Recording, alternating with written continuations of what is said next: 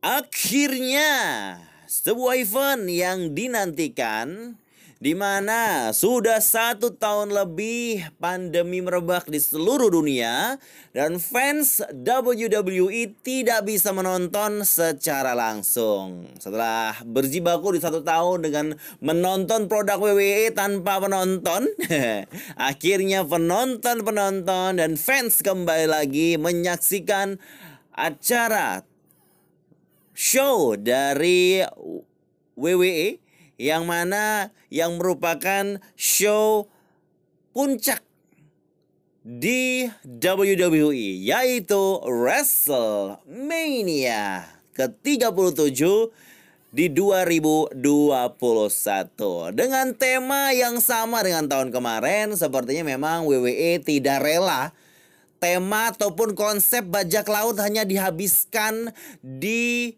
performance center mereka ingin memaksimalkan tema dan konsep yang paling oke okay tersebut ya. Nggak paling oke okay juga sih, yang oke okay banget itu ya. Dengan mengulangnya lagi, menetapkannya lagi untuk uh, konsep WrestleMania 37 di tahun 2021 yang di mana sedikit diberikan modifikasi menjadi lebih baik menjadi lebih mantap benar-benar memang tidak mengecewakan. Dari grafisnya dari posternya dari dari beberapa apa uh, setting panggungnya memang tidak mengecewakan. Yang kita lihat ya mungkin teman-teman sudah nonton untuk WrestleMania 37 malam per pertama di mana bisa terlihat kalau penontonnya itu memang terbatas ya, tidak dibikin penuh begitu. Karena memang kalau dibikin penuh kayaknya memang uh, tidak boleh ya di Tampa Bay itu atau di Florida itu uh, kebijakannya nggak boleh banyak-banyak penonton. Dan boleh hanya 40 sekitar 30 sampai 40% kapasitas dari uh, venue tersebut. Dan memang WWE sudah mengemas tempat duduknya sedemikian rupa. Yang membuat di mana ketika di kamera fans itu terlihat banyak. Walaupun ketika pakai drone ataupun pakai Jimmy Jeep ya, itu kameranya kelihatan yang kosong tuh banyak banget. Tapi ketika di kamera pas lagi match itu berusaha angle-nya tuh pas yang banyak fans. Jadi kita juga yang menonton dari layar itu kesannya seru, rame dan dan dan meriah sekali WrestleMania tahun ini kalau dibandingkan WrestleMania tahun kemarin tentunya yang tanpa penonton. Dan saya pun sendiri untuk malam pertama cukup puas menonton pertandingan tersebut. Walau di awal acara WrestleMania 37 ada insiden cuaca buruk yang membuat semua orang, semua penonton di lokasi tersebut kena hujan deras. Jadi uh, Hujan deras jadi terpaksa seluruh penonton dan kru dan mungkin kamera-kameranya juga harus dilindungi dari hujan. Jadi mungkin uh, kalau di uh, acara-acara biasa Raw, SmackDown dan mungkin acara lainnya seperti NXT mereka menggunakan eh bukan nih untuk Raw dan SmackDown mereka menggunakan konsep Thunderdome. Di WrestleMania 37 mereka konsepnya thunderstorm. ada petir, ada hujan ya. Karena memang dari awal uh, WrestleMania mulai tuh uh, teman kita yang ada di uh, venue katanya dia bilang memang kelihatan uh, mendung begitu ya cuacanya. Dan ini membuat semua penonton harus diungsikan masuk ke dalam gedung yang beratap di uh, sekitar situ pokoknya di venue itu. Dan mereka harus istirahat sejenak menunggu hujannya berhenti. Dan di, masa hujan berhenti pada WrestleMania sudah dimulai, sudah dibuka oleh Bapak Vince McMahon dengan membariskan semua orang yang ada di depan situ terus di uh, pidatokan sebab pidatokan terus uh, Bapak Vince McMahon ngomong Welcome to WrestleMania. Eh, ternyata hujan deras terpaksa ditunda. Katanya sekitar satu jam ditundanya. Jadi masa tunda itu WrestleMania tetap berlanjut. Bukan berarti tayangannya berhenti ataupun iklan. Tidak. WrestleMania diisi dengan interview-interview backstage terus komentator yang ngomong-ngomong terus, balik lagi ke panel yang kick off show dan lain sebagainya. Mengisi kekosongan tersebut dengan hal-hal cuma ngobrol-ngobrol, promo-promo yang sebenarnya tidak penting dan dibuat secara mendadak. Ini membuat kita yang menonton juga tidak sabar kapan mulainya, kapan mulainya. Tidak mulai-mulai begitu ya. Dan seperti yang kita ketahui tidak ada uh, match di kick off show-nya WrestleMania. Hanya ya cuma ngomong-ngobrol ngobrol-ngobrol dan promo-promo aja. Ini kesannya WrestleMania sudah dibuka oleh Bapak Vince dan pre-show atau kick off show-nya dilanjutkan sampai uh, cuaca itu kembali membaiknya. Kita bahas dulu untuk malam pertama ya fokusnya di podcast episode kali ini podcast suka gulat Podcast-podcast suka-suka gulat-gulat. Dan akhirnya setelah sekitar satu jam, akhirnya acara dimulai dengan pembukaan dari host WrestleMania. Ada Titus O'Neil bersama Hulk Hogan yang uh, membuka acara, membuat uh, suasana meriah walaupun habis hujan dan masih basah-basahan. Ada beberapa yang pakai mantol becak juga ya.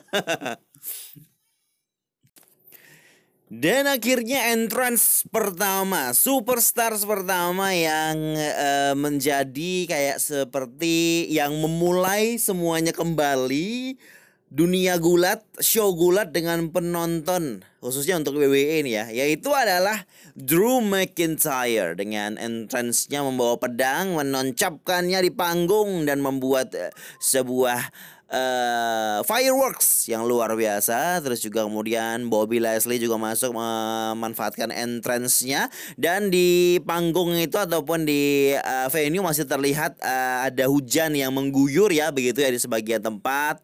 Dan uh, terlihat jelas kalau basah-basahnya itu masih ada gitu loh.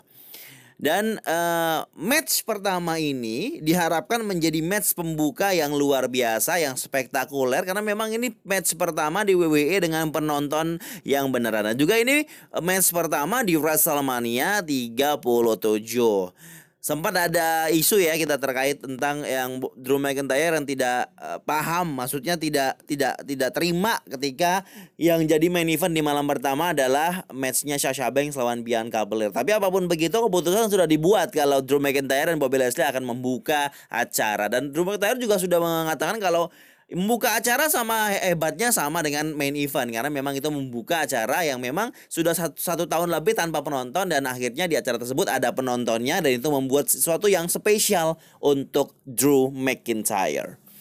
Dan orang sudah ekspektasi kalau uh, match pembuka harus yang menang ya babyface. Kenapa? Karena memang membuat penonton uh, merasa senang dan bahagia untuk pertama kalinya di match di WrestleMania 37. Tapi seperti yang kita ketahui hasilnya tidak begitu memuaskan.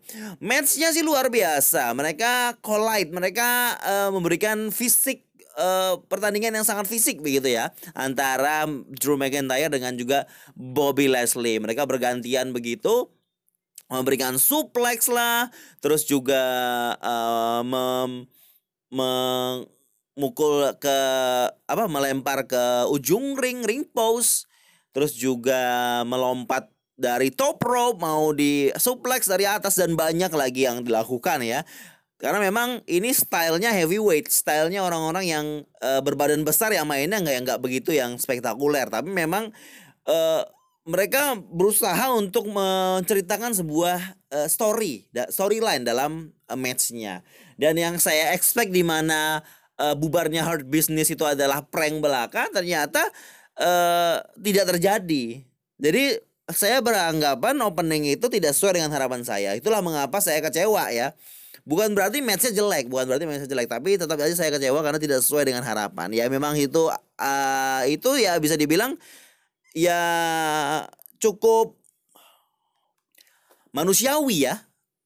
Dan uh, Bobby Leslie berhasil retain memenangkan pertandingan dan kembali mendapatkan WWE Champion di mana Drew McIntyre kalah dengan hardlocknya yang dilakukan terus menerus oleh Bobby Leslie. Walaupun Drew McIntyre sudah berusaha untuk melepasnya tapi digenggam lagi sampai Drew McIntyre ter tidur ataupun pingsan begitu. Itu membuat wasit menghentikan pertandingan dan Bobby Leslie berhasil mempertahankan championshipnya. Walaupun kehadiran MVP di bawah bisa dibilang mengganggu Drew McIntyre untuk memberikan claymore-nya pada saat itu sebelum di uh, di hardlock sama Bobby Leslie. Ini membuat ya Bobby Leslie menang secara heel gitu.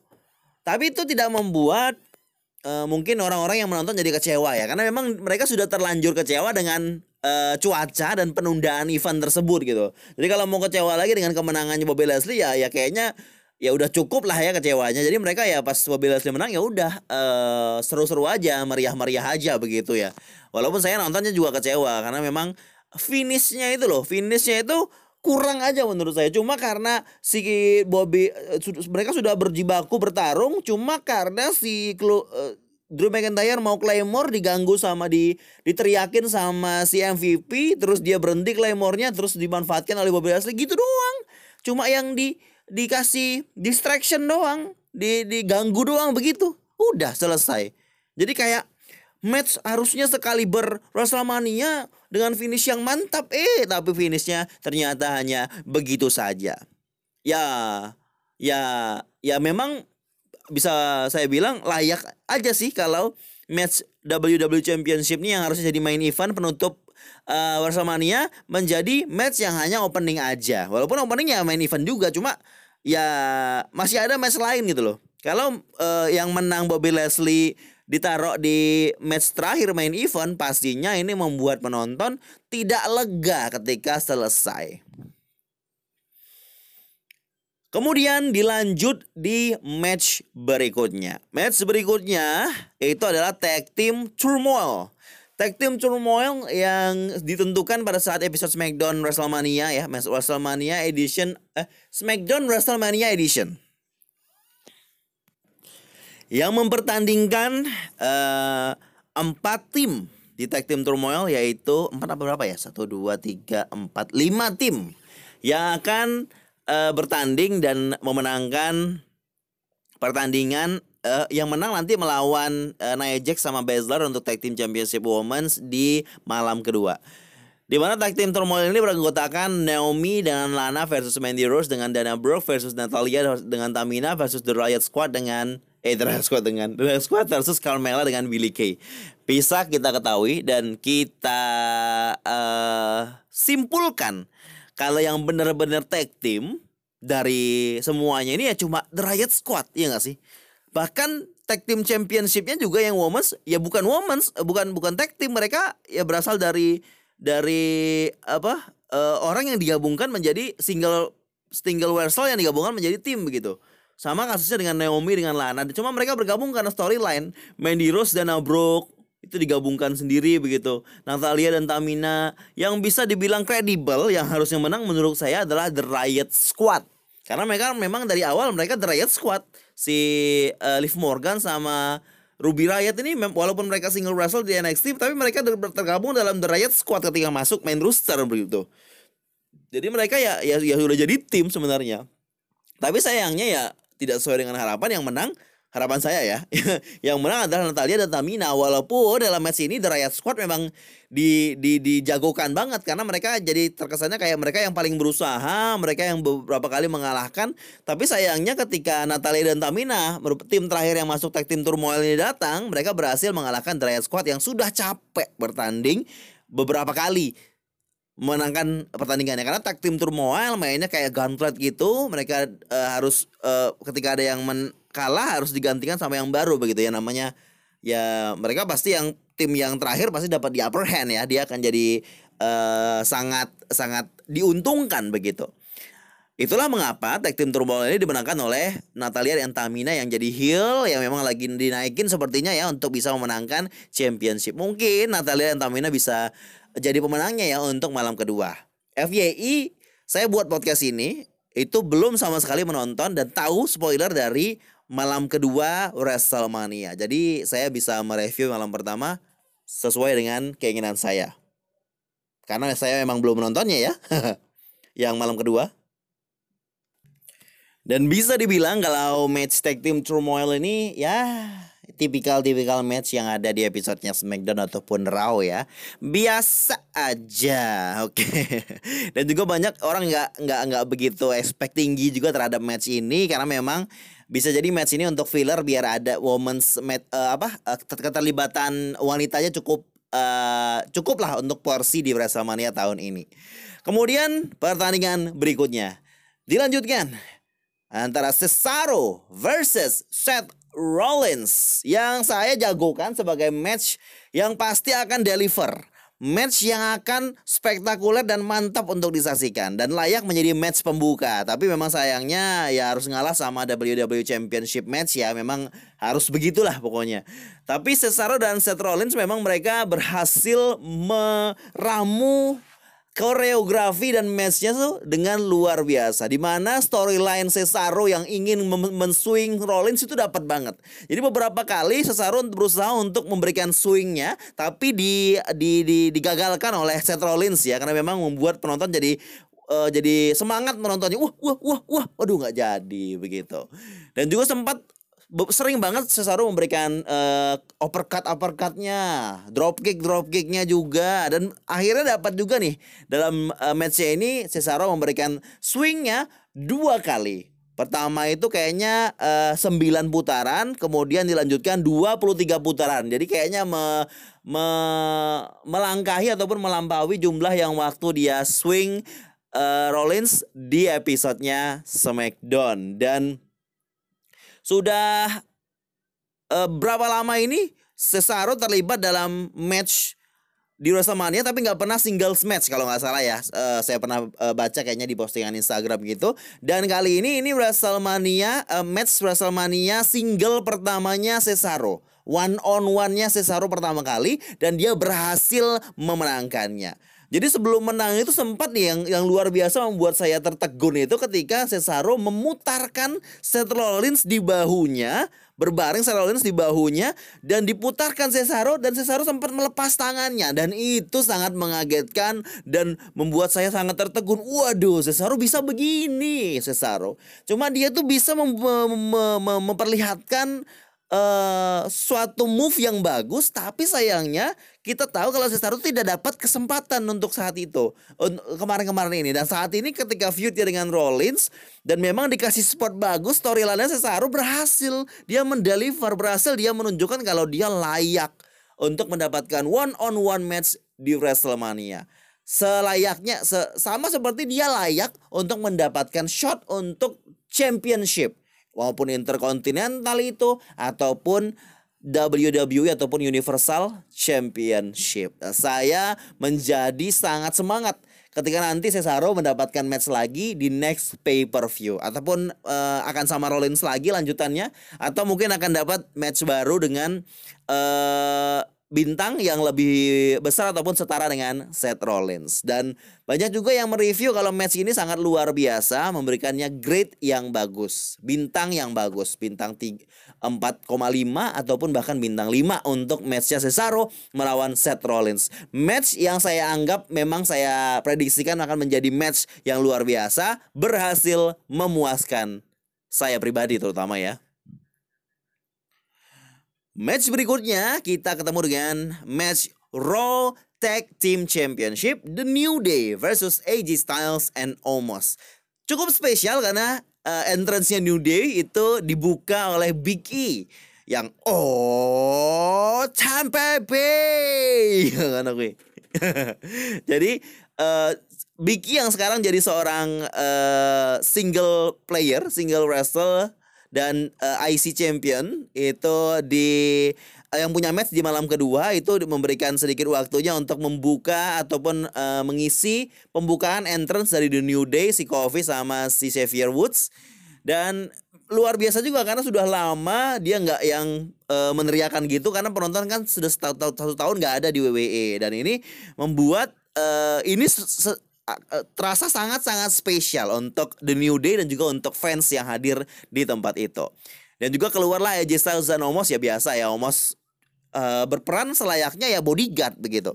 Dan dalam match ini saya nggak begitu expect banyak karena uh, kita tahu kalau AJ Styles itu awalnya akan dilawankan oleh Triple H untuk WrestleMania 37. Tapi Triple H belum siap. Akhirnya AJ Styles ya dikasih aja match kayak gini gitu loh. Dia bersama Omos. Yang orang tunggu-tunggu dari match ini adalah bukan aksinya AJ Styles dan The New Day, tapi bagaimana Omos bertarung.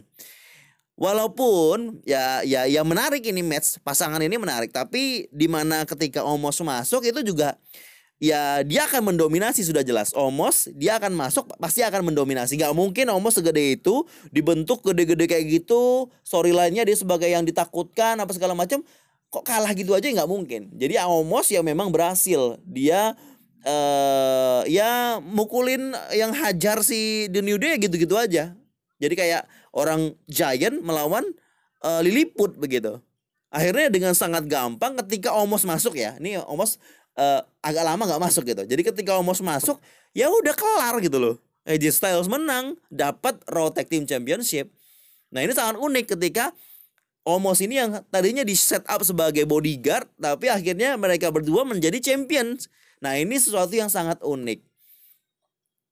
Walaupun memang kontroversinya sedikit ketika The New Day itu berhasil memenangkan champion dari The Hard Business. Ini se, se kayak kayak si apa orang WWE kreatif tuh kayak nggak percaya sama si Shelton sama Cedric ini untuk memegangnya terus sampai WrestleMania.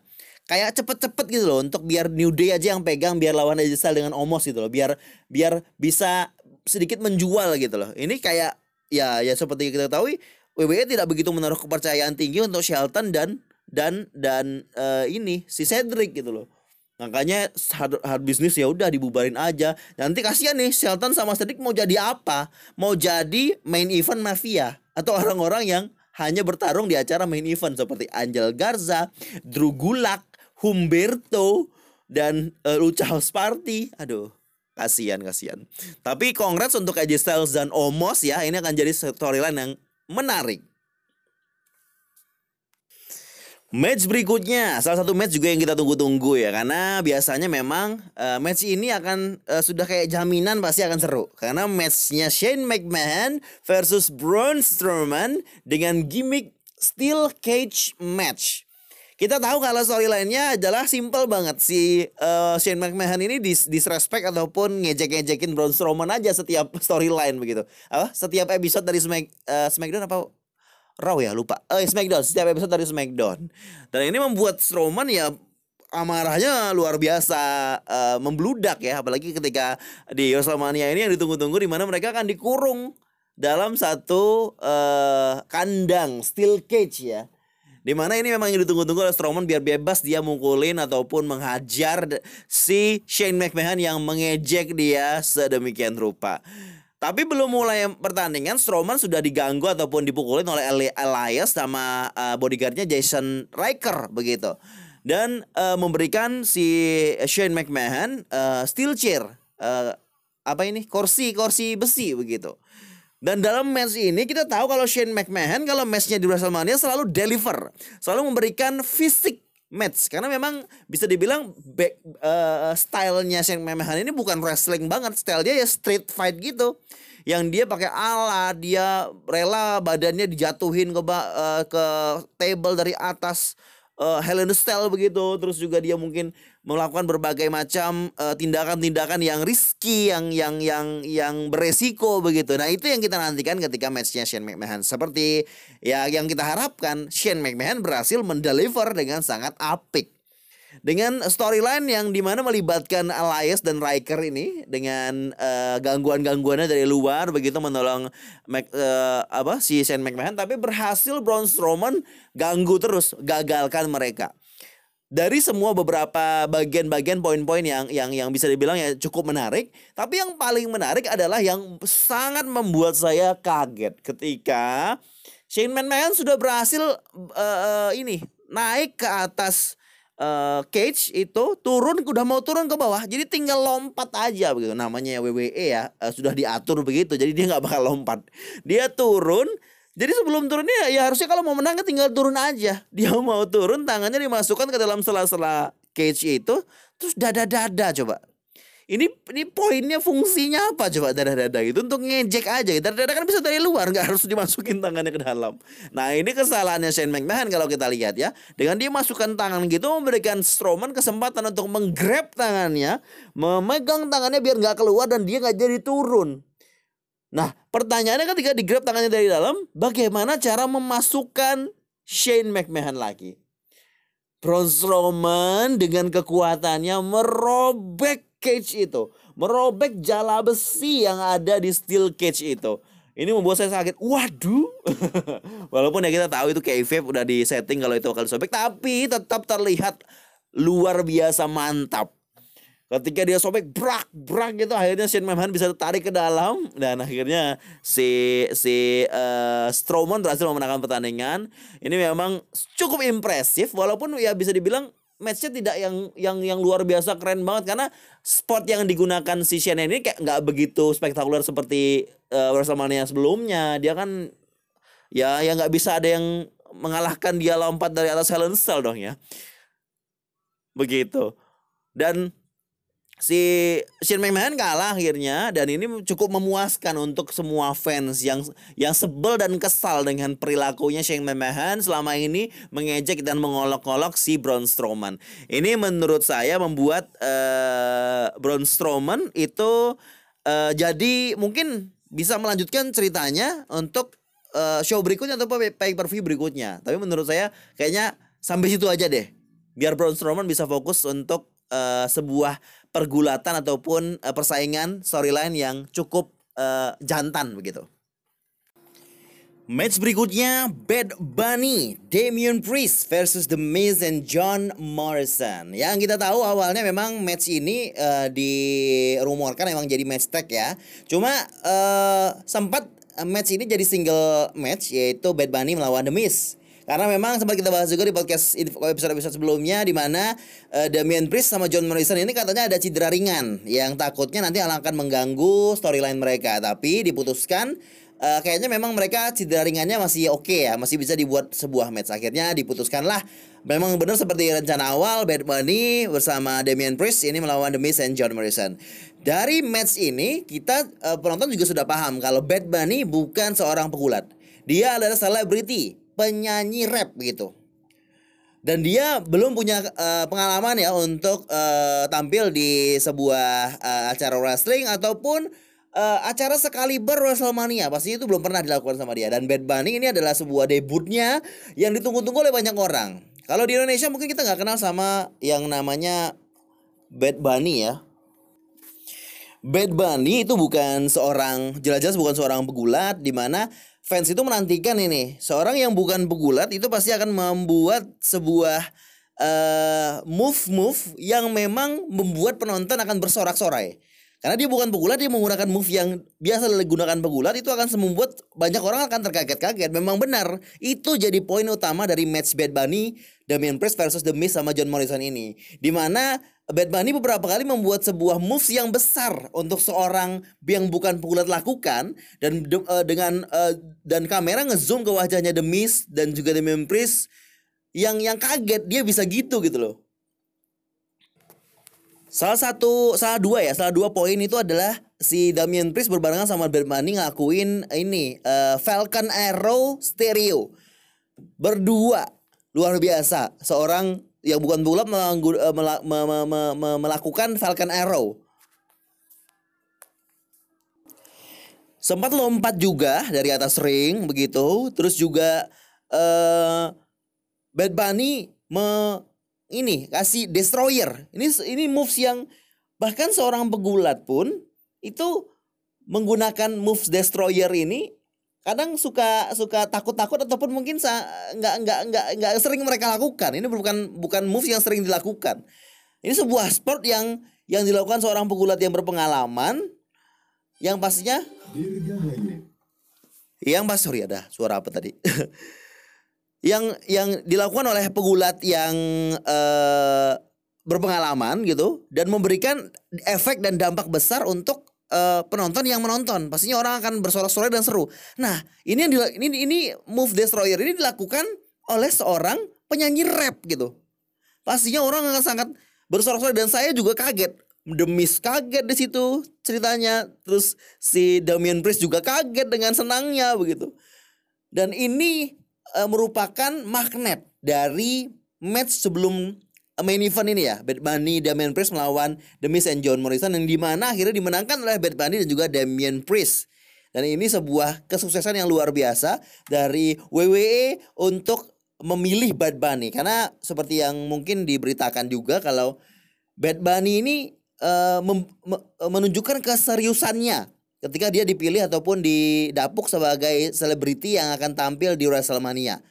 Jadi dia skala selebriti dia ini yang tampil di WrestleMania itu sama seperti Ronda Rousey yang belum pernah tampil sebagai uh, pemain uh, SmackDown ataupun pegulat, tapi ketika tampil di WrestleMania memuaskan, membuat penonton senang dan dan dan ekspektasi kita itu sebenarnya nggak begitu tinggi terhadap Bad Bunny ini, tapi dia berhasil mematahkan ekspektasi kita yang tinggi menjadi sangat-sangat terkesan dan banyak reviewers me mengungkapkan ataupun merate ini, meranking, memberikan nilai yang baik ataupun yang luar biasa, yang five star, grade A untuk match Bad Bunny Damian Priest lawan The Miz and John Morrison.